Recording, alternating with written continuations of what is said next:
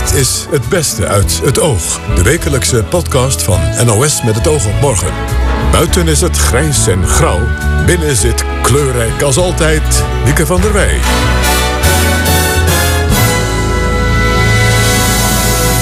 Hartelijk welkom bij deze nieuwe aflevering van Het Beste uit het Oog. En wat een heerlijke introductie weer. We gaan praten over de muziek van Joël Bons, die de hele wereld afstruint op zoek naar bijzondere instrumenten voor zijn composities. We hebben eh, in het Westen vaak een heel beperkt idee van instrumenten. Namelijk de piano, de fluit, de viool. We denken dat is het, de gitaar. Maar er zijn duizenden instrumenten over de hele wereld. 50PLUS-leider Henk Krol legt uit waarom juist hij geschikt is om die ruzies binnen zijn partij te sussen. Heeft een beetje, denk ik, met mijn opvoeding te maken. Ik kom uit een gezin met verschillende religieuze invloeden. En elke zondag kwamen wij bij elkaar en dan hoorde ik de waarheid meerdere keren voorbij komen. Dus ik heb altijd geleerd dat het helemaal niet gek is als je op een andere manier tegen de waarheid aankijkt. En als je dan toch respect voor elkaar hebt, dan kom je tot een gemeenschappelijk uh, standpunt. Maar eerst brandstichting, vernieling en geweld. De protesten van de gele hesjes in Frankrijk zijn van een uitzonderlijke heftigheid. Presentator Chris Keijne sprak met Ewald Engelen, financieel geograaf aan de Universiteit van Amsterdam en actief in de Partij voor de Dieren. Wat ziet hij gebeuren in Frankrijk? In Parijs zie ik een uh, lagere middenklasse in opstand komen tegen een enorme financiële klem. Uh, met uh, belastingverhoging aan de ene kant en stagnerende inkomens aan de andere kant. gekoppeld aan een regering die zij in ieder geval zien als toondoof. alleen maar bezig zijn met het binnenhalen van zoveel mogelijk bankiers uit de city. Die na Brexit overwegen naar het Europese continent te gaan.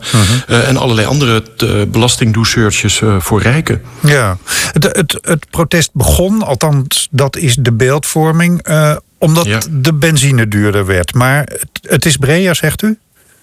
Ja, zeker. Het is inderdaad... Eh, de, de, de, de, de, de, de lont in het kruid was eh, die verhoging van de dieselaccijns. Mhm. Daar moet je natuurlijk altijd wel bij in je achterhoofd houden... dat eh, de Franse regering samen met de Duitse, de Belgische, de Nederlandse...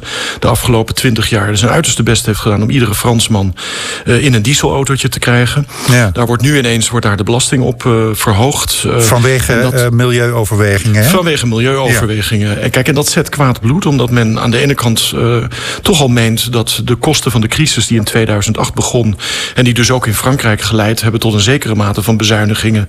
en lastenverzwaringen en overwegende mate bij de lagere middenklasse terecht zijn gekomen. -hmm. En ten tweede, en dat zie je natuurlijk toch ook in Nederland... dat men zich afvraagt van waarom moeten de kosten van de verduurzaming van onze economie... eenzijdig bij de consument en de burger terechtkomen...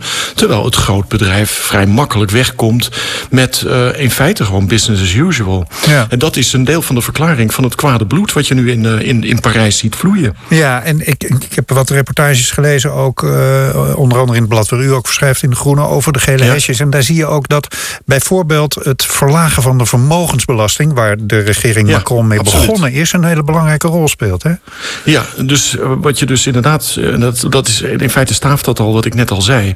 Dat het, het, het zijn die twee bewegingen tegelijkertijd... die, die, die, die, ja, die veel protest oproepen. Is dus aan de ene kant wel de rijken tegemoetkomen met belastingverlagingen. En, en, en tegelijkertijd uh, de belastingen verhogen voor de mensen die uh, het toch al krap hebben. Ja. En, en ja, dat, je, je, zou, je zou, ik, ik had eigenlijk verwacht dat je een soortgelijke beweging dus ook in Nederland zou zien. Want ook hier eigenlijk hetzelfde fenomeen. Stagnerende inkomens. Uh, vrij forse lastenverzwaringen onder Rutte 1, 2. En het gaat onder 3 gewoon door. Terwijl tegelijkertijd op het moment dat er een overschot op de begroting is...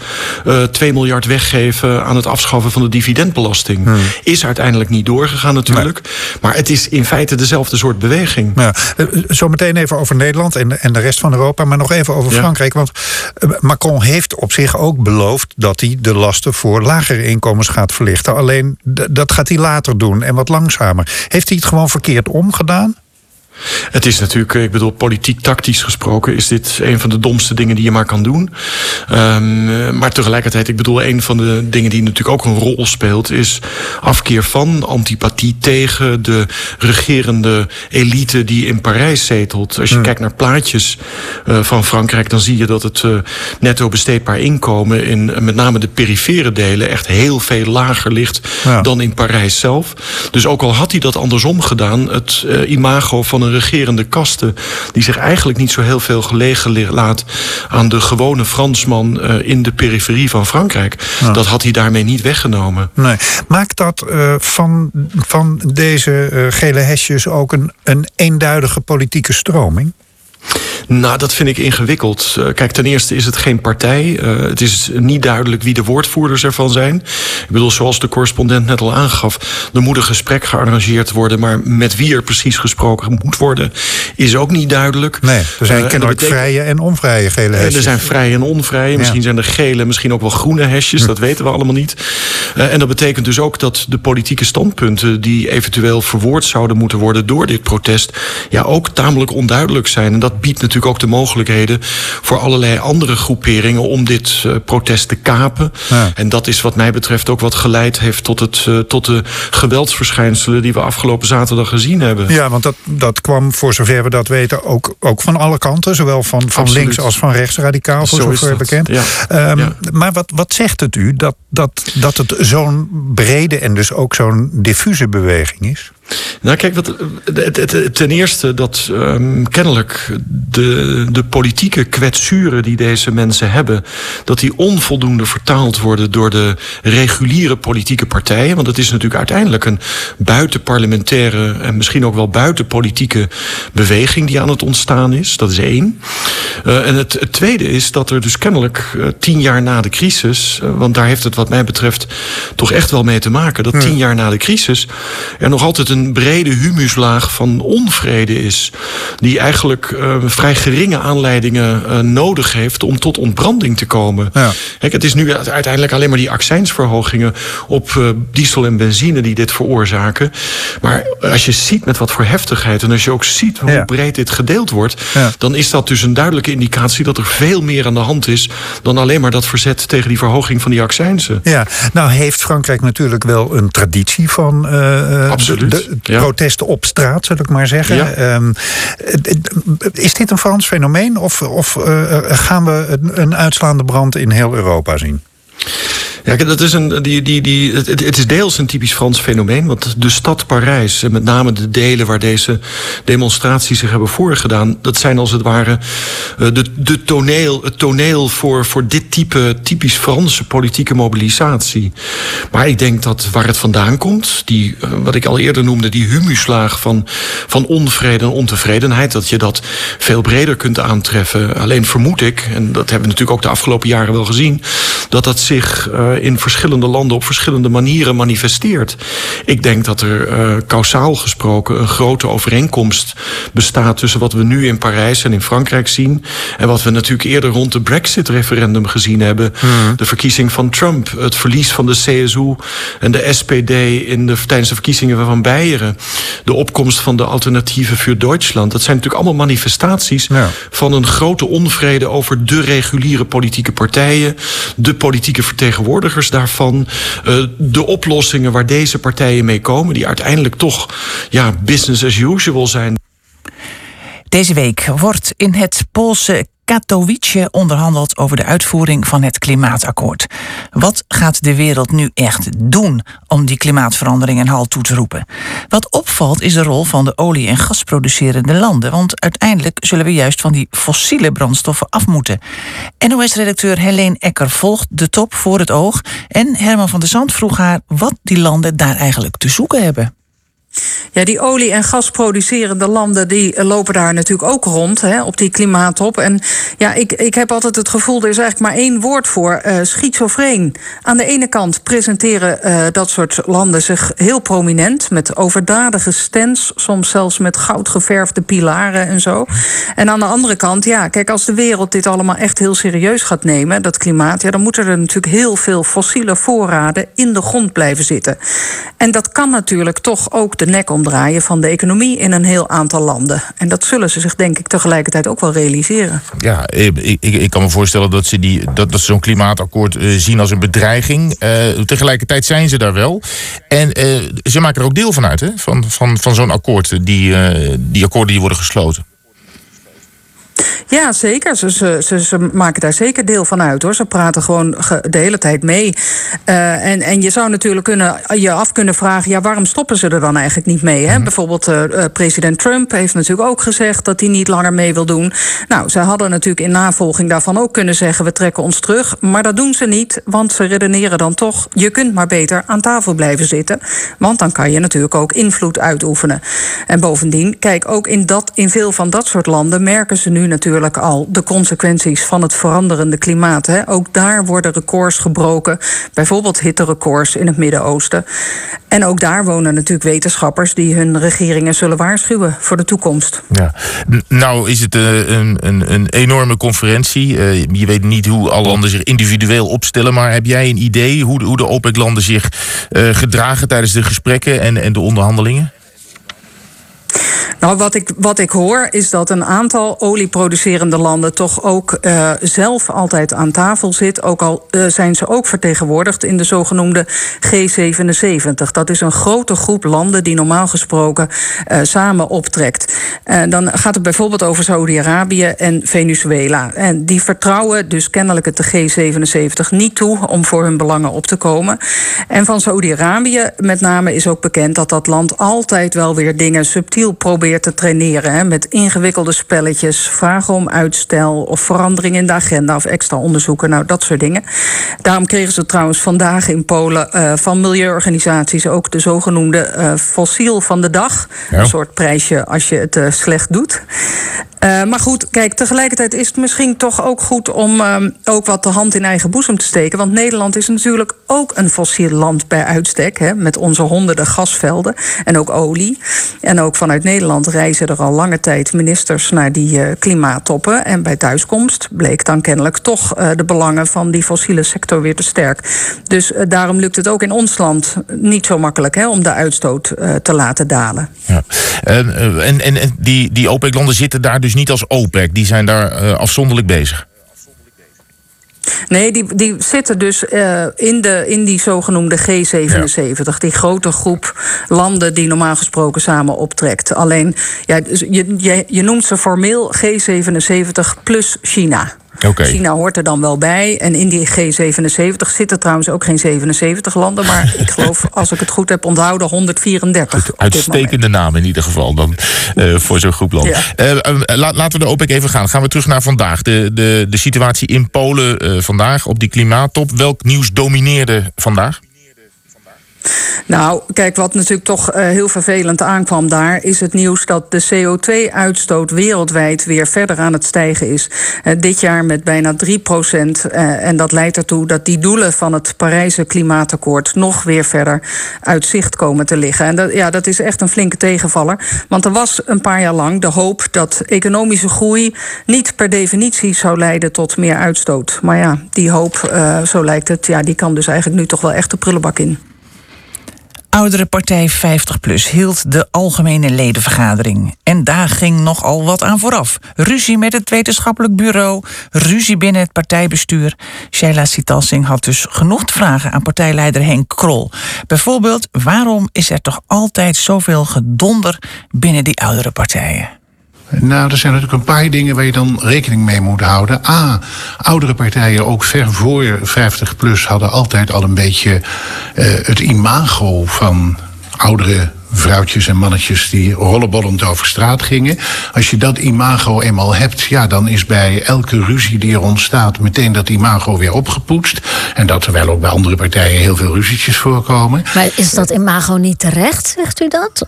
Want nee, wordt wel even, u stelde, u stelde mij een vraag. Ik ja. denk, ik ga u gewoon het okay. antwoord geven. Prima, ja. U mag me altijd onderbreken hoor. Maar ja. uh, ik was net bezig om u heel duidelijk uit te leggen dat A, heb je te maken met dat imago uit het mm -hmm. verleden. B, heb je te maken met mensen die natuurlijk relatief veel meer tijd hebben dan mensen die werken. Ja. En dat houdt in dat mensen ook heel veel vaker dan anderen mail sturen. En de gewoonte in onze partij is, en dat is een verkeerde gewoonte, heb ik ze een paar keer opgewezen, om cc's aan Jan en Alleman te sturen. Een mail met daarboven 40 namen in de cc waren heel gebruikelijk. Ja, dan hoef u niet uit te leggen dat je dan ook heel snel mensen op hun tenen kunt gaan staan. Ja, en voor de rest zijn het allemaal uh, veronderstellingen. Zou het kunnen zijn dat mensen in het, in het leven vaak teleurgesteld zijn en nu nog één keer willen vlammen? Allemaal mogelijkheden. Maar uh, dat is de reden waarom zowel de fractie als het nieuwe bestuur tegen het Wetenschappelijk Instituut van 50PLUS gezegd hebben: gaat nou eens echt onderzoeken. Want we kunnen echt alle leuke dingen bedenken, maar het is nooit bewezen dat dat de echte reden is. En toch, als je een partij als 50PLUS, als je überhaupt de belangen van ouderen beter wil verdedigen, dan zou je dat eens een keer moeten laten onderzoeken. Want kijk ook maar eens wat er gebeurt bij de AMBO, ouderorganisatie, ja. ook heel vaak ruzies. KBO, KBO Brabant, ook vaak ruzies. Dus het is niet alleen gebonden aan 50 plus, maar juist bij die oudere. Uh, ja, mondige burger zie je dat er wel eens vaker ruzies ontstaan. Dat is niet erg. Want ik hou van mensen die mondig zijn en die hun mening geven. Maar het is wel fijn als je weet hoe je daarmee om moet gaan. Ja, en u heeft nu dus het wetenschappelijk bureau gevraagd. Um, dat, dat onderzoek dat moet ook nu meteen van start gaan? Of wat, uh, wat, wat moet ik me daar precies bij voorstellen? Wat moet dat voor onderzoek worden? Het uh, Wetenschappelijk Instituut van 50PLUS uh, gaat pas op 1 januari überhaupt van start. Dus mm -hmm. ik denk dat we wat dat betreft nog even moeten wachten.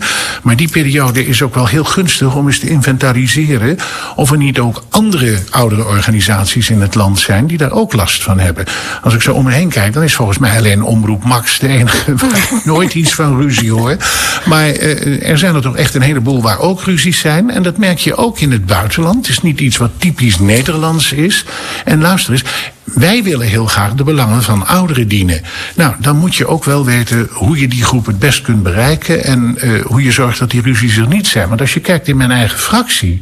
Daar hebben we nooit ruzie. Daar zijn ook meningsverschillen. Daar zijn ook mensen die uh, oorspronkelijk ter linkerzijde stonden of ter rechterzijde stonden. Die hebben datzelfde programma ondertekend. Die praten elke dinsdagochtend met heel veel verschillende denkbeelden over datgene wat er op de agenda staat. En toch komen we er altijd heel netjes uit. Dus het kan ook heel goed. Ja. En dat valt ook steeds meer mensen op dat het juist in die fracties, in de politieke tak van 50 plus goed gaat. Maar in die verenigingstak ging het tot nu toe verkeerd. En ik hoop zo enorm dat na die twee vergaderingen van deze week daar ook de goede weg is ingeslagen. Hoe heeft u dat voor elkaar gekregen? Ja, dat weet ik eigenlijk niet. Het heeft een beetje, denk ik, met mijn opvoeding te maken. Ik kom uit een gezin met verschillende religieuze invloeden. En elke zondag kwamen wij bij elkaar en dan hoorde ik de waarheid meerdere keren voorbij komen. Dus ik heb altijd geleerd dat het helemaal niet gek is als je op een andere manier tegen de waarheid aankijkt. En als je dan toch respect voor elkaar hebt, dan kom je tot een gemeenschappelijk uh, standpunt. En dat is precies zoals dat bij ons in de fractie gaat. Ik vind het ook leuk als de een roept, ja, mooi idee, maar wie denk je gaat het betalen. En dat de ander zegt, ja, je moet er toch echt aan denken dat we heel sociaal moeten zijn. Als je dat met elkaar uitspreekt, dan kom je hele stappen verder. Je hoeft niet hetzelfde startpunt te hebben, als je maar wel eenzelfde stip op de horizon kunt bereiken. Hm, en dat is echt uw rol, um, zegt u. Die, u pakt echt Nou die ja. rol op om dat bij elkaar te houden. Het, het, het is me zo op het lijf geschreven. Ik ben het als kind zo gewend geweest. Ik heb altijd mijn hele leven geprobeerd op die manier met mensen om te gaan.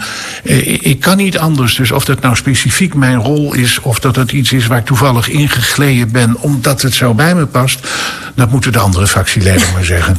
Nou, na vandaag, na deze ledenvergadering, u zei het al, hè, dus ingezind, eensgezindheid. U krijgt nu weer aardige mails. Ehm, de verkiezingen staan uh, voor de deur, provinciale Ja. staten, komend voorjaar. Ehm, dus de partij kan eensgezind die verkiezingen tegemoet. Ik hoop het wel, want ik hoop dat iedereen ook begrijpt dat juist die provinciale statenverkiezingen echt van landsbelang zijn. Waarom?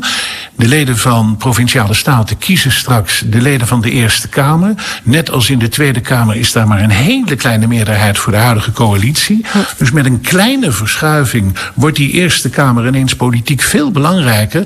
En als dat zou lukken doordat 50PLUS bijvoorbeeld verdubbelt van twee naar vier zetels, wat in de, eh, de, Eerste Kamer heel goed mogelijk zou zijn, omdat we eh, ook in de eh, Tweede Kamer verdubbeld zijn, dan zouden we veel meer eisen kunnen stellen. Nu hebben we allerlei ideeën ideeën hoe we de situatie van ouderen die al tien jaar lang niet geïndexeerd zijn, hoe we die zouden kunnen verbeteren, hoe we de zorg beter zouden kunnen krijgen. Allerlei ideeën.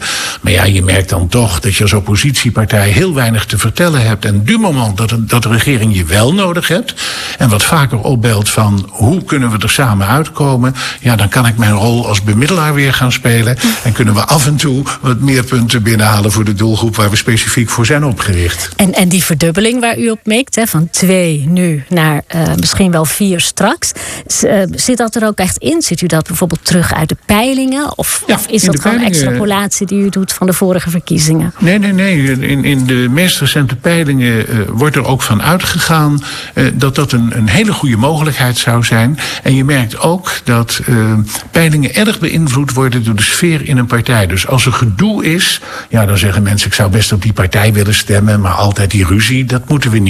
Dus als nu, dankzij de nieuwe voorzitter Geert Dales en dankzij datgene wat er de afgelopen week gebeurd is, rust in de tent blijft. Die garantie kan ik niet geven, maar ik ga er wel naar streven. Ja, dan denk ik dat we in de peilingen een stuk door kunnen groeien. Nou, we gaan zien of Henk Krol alle kikkers in de kruiwagen weet te houden. Componist Joël Bons heeft de Gray Meyer Award gewonnen. Joost Vullings sprak met hem over deze prestigieuze Amerikaanse prijs en over zijn composities, die invloeden hebben van over de hele wereld. Luistert u maar.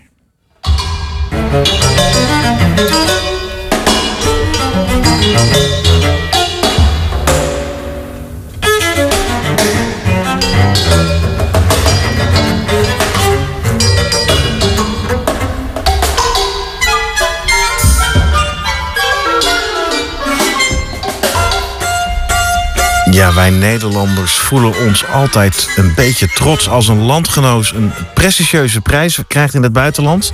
En het is ons weer gelukt, of ons, ja, u eigenlijk, Joël Bons, winnaar van de Amerikaanse Cromeyer Award. Ja, hoe mooi is het om die award te krijgen? Ja, het is geweldig. Als je ook het rijtje ziet van componisten die deze award hebben gekregen. Dat zijn de grote der aarde. Pierre Boulez, Giorgi Ligeti en eh, allemaal van die illustere namen. Dus ik voel me buitengewoon vereerd. En het is ook heel erg eh, geweldig omdat we met dit ensemble, wat je net hoorde, het Atlas Ensemble, al 15 jaar samenwerken. En dat zijn dus muzici van allerlei China, Japan, Iran, eh, Turkije. Maar ook de Franse cellist Django Keras, die hier in de hoofdrol is. Dus het is een hele mengelmoes van allerlei mensen uit verschillende culturen. die allemaal samen iets moois maken. En dat mocht ik bedenken. Ja, voelt u zich nu ook illuster, nu u in dat rijtje staat? Dat moet nog komen. Ja, u, u heeft die prijs gekregen, Amerikaanse prijs. Eh, Kennen ze u ook in Amerika omdat u daar vaak optreedt? Of is uw muziek daar heel populair? Totaal niet. Oh? Het is een, een gigantische verrassing. Want eigenlijk opereren wij vooral in Europa en meer naar, juist naar richting China. Hebben wij veel met een ander ensemble gespeeld. Eh, nee, het, was echt eh, een, een hele mooie donderslag bij heldere hemel. Weet je zoiets? Ja, dat is een donderslag. Ja, maar een hele leuke. Ja, u krijgt eh, de woord vooral voor uw compositie Nomade. Daar hoorden we net dus een fragment van. Ja. Eh, ehm, als ik er naar luister, ik hoorde. Nou, voor mij, ik hoorde klassieke strijkers. Gewoon wat we kennen van beetje de, de, de Europese orkesten. Maar ik hoorde volgens mij ook allemaal instrumenten die je normaal niet bij het concertgebouw ziet. ja, ik heb dit eh, gekozen. Het is een cello in de hoofdrol met 18 instrumenten. En je hoorde aan het begin een soort deuntje. Tam, tam, dadadadam. En dat is eigenlijk iets waarbij ik mij voorstel dat die speler die dat speelt... dat is de setar uit eh, Perzië. De Iraanse setarspeler Kia is een fantastische speler. Eh, al die stukken zijn eigenlijk cadeautjes voor die muzici. Dus hij speelt dit soort muziek. En ik heb iets gemaakt waarvan ik dacht dat hij dat fijn zou vinden. Dus je hoort eigenlijk iets wat een beetje in zijn sfeer is. Wat hij goed kan begrijpen. En vervolgens evolueert het stuk naar meer westerse Maar er zitten dus wel allerlei instrumenten in die inderdaad gewoon uit, uit, uit landen over de hele wereld komen. We hebben eh, in het Westen vaak een heel beperkt idee van instrumenten. Namelijk de piano, de fluit, de viool. We denken dat is het, de gitaar. Maar er zijn duizenden instrumenten over de hele wereld. In elke hoek van de, van de wereld is wel iemand die een bamboepijpje oppakt... en daarmee gaat zitten spelen of gaat zingen. Of... Dus overal maakt men muziek.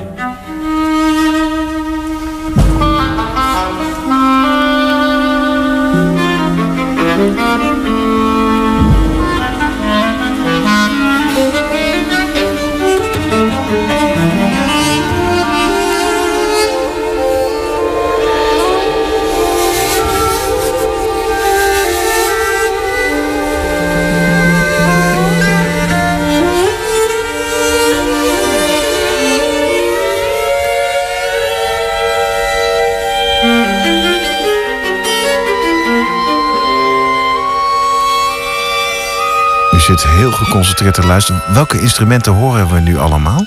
Nou, je hoort eerst eigenlijk de westerse instrument met de cello in de Ja, hoofdrol. precies, en dan op een goed moment komen er andere kleuren in. De duduk uit Armenië, dat is een blaasinstrument, heel weemoedig instrument. Dan hoor je de kemençe uit Turkije, dat is een klein strijkinstrument. Dan de arhu, dat is de Chinese tweesnaar. Arhu betekent tweesnaar. Dat klinkt weer anders, maar het is ook een strijkinstrument. Eh, daarna hoorde je, wat hoorde je daarna? Eh, nou ja, ik weet het zelf niet meer. Je hebt nog de prachtige mondorgels uit Japan en China, de Sheng en de Show. Wij hebben eigenlijk alleen maar de mondharmonica, wat een heel simpel dingetje is. Maar die Sheng en die Show, die kunnen geweldige akkoorden maken en de gekste eh, sferen oproepen. En als je dat allemaal mengt, heb je eigenlijk net als een kind zo'n enorme karandasdoos met kleurpotloden. Eh, op goed moment ben je bijna, eh, weet je niet meer welke kleur je moet kiezen. Zoveel mogelijkheden heb je. Ik stel me altijd voor, als, als mensen muziek componeren... ik Ik, ik, kan het niet, maar dan, dan in uw hoofd hoort u die instrumenten... als u zo'n stuk maakt. Maar ja, ik neem aan dat u gewoon geschoold bent... aan een, een conservatorium in, in Amerika of in Europa. Dan, dan leer je al die klassieke instrumenten, hoe die klinken. Kent u al deze instrumenten al over de wereld... en hoe die dan klinken? Eh, nou, dat be- het is heel. Eh, ik voel me heel bevoorrecht dat ik in een gezin opgroeide waar we heel veel verschillende soorten platen hadden. Balinese muziek, pygmeeën muziek, boogie woogie, van alles en nog Hoe, hoe, hoe kwam dat bij u thuis? waren buitengewoon belangstellend in allerlei en wisten er ook veel van en waren altijd nieuwsgierig, reisden ook veel. En mijn vader was in, in, in Mexico een keer met Rietveld aan het werk en dan kwam met een hele tas vol met eh, mariachi. Dus ik groeide daarmee op. Dus ik kende dit soort instrumenten al van ouds en dacht, waarom gebruiken wij die nooit in het Westen? En eh, je moet natuurlijk wel al die instrumenten leren kennen. Want op, inderdaad, op het conservatorium leer je onze westerse instrumenten. Ja. En voor deze instrumenten bestaan geen eh, voor ons leesbare boeken. Die zijn in het Chinees. Of geen voorbeelden ook. Nee. nee. Dus dat was, dat was de, de research die we gedaan hebben. En het jarenlang samenwerken. Ehm, soms zijn die instrumenten ook heel beperkt. Dat ze maar een paar tonen hebben of allerlei tonen niet. Dus je moet heel goed weten wat je doet. Dit is een stukje salsa.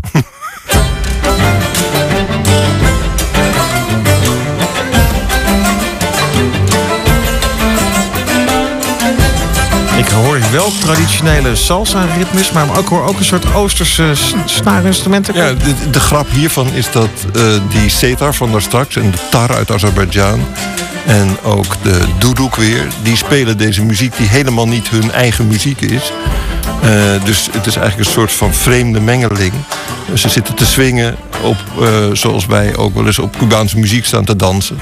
En tegelijkertijd is het ook een beetje manke salsa. Hij, hij hinkelt een beetje. Ja, hij En loopt pas net aan niet. het- Ja, ja, ja. En pas aan het eind komt het echte salsa-instrument, de steeldrum, er opeens als een verrassing in. En dan jubelt het naar het slot. Dan ik begint het, ja, begint het echt te swingen. Eh, kijk, het is een prestigieuze prijs, maar ik, ik, ik zie ook nog dat er 100.000 euro aan verbonden is. eh, dollar. Dollar. Ah, dat is jammer. Maar ik, ik, ik neem aan, dit is. Kijk, ik bedoel, als je een heel succesvol popnummer schrijft voor je steenrijk. Ik neem aan dat u niet steenrijk wordt van deze muziek. Nee, helaas Dus niet. u kan het goed gebruiken. Heel goed, ja. En dan is het altijd de vraag: wat gaat u ermee doen? Oh my god. Nou, Ja. ik denk ja. ehm, ik, ik heb er nog helemaal niet over nagedacht. Maar ik, het is heel erg welkom. Want Ja, dat kan me we willen voorstellen. heel graag verder met dit soort dingen. Dus dan doe je ook veel onderzoek, veel reizen. Ik zou ontzettend graag ooit een film maken van allerlei instrumenten van over de hele wereld. Kortom, er zijn genoeg ideeën en dromen en plannen om veel meer van dit soort prijzen aan te besteden. nou, dat is hartstikke- nou, wie weet dat hij dan nog eens een prijs wint. Jawel, bij ons hartelijk dank dat u hier was voor dit, ja, dit mooie verhaal. En, en, en uw bijzondere en prachtige muziek. Dank. En veel succes. Hartelijk dank. Tot slot nog iets opmerkelijks uit het nieuws van de afgelopen week. In verschillende landen werden grote politieacties gehouden tegen de Ndrangheta, de Italiaanse maffia. En een van die landen is Suriname. Herman van der Zand zocht contact met onze correspondent daar, Harmen Boerboom, die zit in Paramaribo, en vroeg hem om uitleg. Het feit dat Suriname op die lijst stond, dat verbaast wel veel mensen. En niet in de laatste plaats de politie. Ik heb eh, gebeld met het eh, kabinet van de korpschef. En die weten helemaal niets van een huiszoeking af. Die weten niets van een arrestatie af. Dat eh, gemeld zou zijn door Al Jazeera. Dus men is hier zeer verbaasd over het nieuws. Het kan natuurlijk zijn dat er andere huiszoekingen in het verleden hebben plaatsgevonden. die met deze zaak te maken hebben. Maar dat ze dat hier niet weten, niet daarvan over, zijn, niet ook over zijn ingelicht. Maar een uh, huiszoeking in verband met deze actie is hier bij de politie niet bekend. Ja, ja dat, uh, dat klinkt wel merkwaardig, want Suriname staat echt op de lijst. Ehm, de Drangheta die, die, die stuurt zijn medewerkers vanuit Italië ook naar de landen waar drugs worden verbouwd. Wonen er mensen uit Calabrië in Suriname die, ja, weet ik veel, in, in het criminele milieu zitten? Nou, je ziet eigenlijk heel erg weinig Italianen hier. Je hebt wel een grote uh, Turkse gemeenschap, een relatief grote Turkse gemeenschap, omdat het casinowezen hier in Suriname in handen is voor een groot deel van, uh, van de Turken. Uh, maar Italianen zie je hier niet zo erg. Ik heb wel begrepen overigens dat die Drangheta dat die uh, werken ook met mensen uit het buitenland. En er is hier natuurlijk, Suriname staat helaas bekend vanwege zijn, ja, zijn cocaïne doorvoer. En je ziet hier wel veel Colombianen. En je weet natuurlijk niet voor welke Europese organisaties zij werken. Nee, uh, je, je, zegt het al, Suriname staat bekend om de cocaïne doorvoer. Is, is Suriname echt een grote speler ook in de, in de productie en de handel van, van uh, coke? Nou, productie niet, maar het land heeft uh, ongeveer 1200 kilometer grens die eigenlijk nauwelijks bewaakt wordt. Het is vooral oerwoud en rivieren. En als je wil kun je daar heel makkelijk uh, drugs en andere goederen het land binnenkrijgen. de controle is niet geweldig. een deel van de politie doet zijn werk heel goed. ik moet zeggen, ik zeg een deel omdat er veel verhalen gaan dat ook vanuit, nou ja, de, de naam Boutersen wordt natuurlijk heel vaak in verband gebracht de president met, uh, met drugshandel. Daar zijn de bewijzen hier op dit moment in ieder geval niet voor geleverd. Maar Suriname staat bekend als een, een belangrijke hub naar uh, Europa toe. Er zijn hier ook uh, eerder dit jaar twee grote gebeurtenissen geweest die met die drugshandel te maken hebben. Er is een vliegtuig geland met 500 kilo cocaïne. Dat zou Colombiaanse cocaïne zijn. En er is een duikboot gevonden die bestemd ja. zou zijn om de cocaïne het land uit te krijgen. Dus er gebeurt hier wel van alles. En als je om je heen kijkt, het land zit in een grote crisis. Maar de mensen hebben het over het algemeen best wel goed. Dus dat geld moet wel ergens vandaan komen. Nou, dat was hem weer. De podcast van de week. Bedankt voor het luisteren. En volgende week is er natuurlijk weer een. Dag. Gute Nacht, Freunde. Es wird Zeit für mich zu gehen. Was ich noch zu sagen hätte, dauert eine Zigarette und ein letztes Glas im Stehen.